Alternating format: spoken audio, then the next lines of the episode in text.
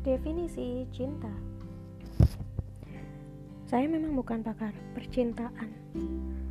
Atau bahkan orang yang ahli membuat orang lain jatuh cinta. Apalagi mudah bercinta. Tapi untuk kali ini Saya akan sedikit berbicara tentang hal itu. Setidaknya berdasarkan tafsir yang sudah saya alami Perjalanan ini dimulai dari bagaimana saya mencari cinta di luar diri saya.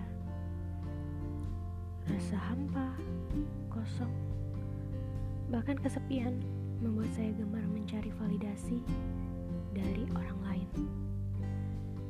Tidak jarang juga dari orang asing. Bentuknya beragam. Bisa berbentuk perhatian, pelayanan, materi, hingga apresiasi dan pujian. Perbedaan bahasa cinta yang orang lain tawarkan nyatanya tidak pernah memenuhi ruang kosong di hati saya. Ini mudah untuk saya merasa bosan, jenuh, jengah.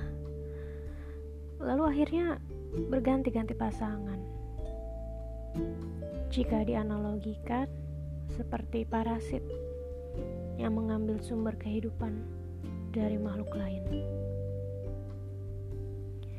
Hingga akhirnya saya tersadar dan paham bahwa tidak akan ada bentuk cinta yang utuh selain cinta dari diri saya kepada diri saya sendiri.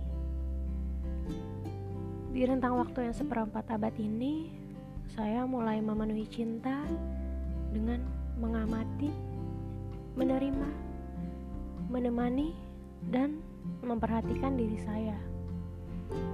Hasilnya jauh lebih baik. Saya merasa sudah cukup dicintai, bahkan mampu menyalurkan rasa cinta kepada orang lain. Saya merasa utuh saya mendefinisikan cinta sebagai sesuatu yang utuh. Artinya, tidak ada keterikatan atau keterkaitan dengan pihak luar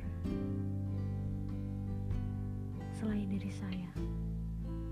Saya layak bertanggung jawab dengan mencintai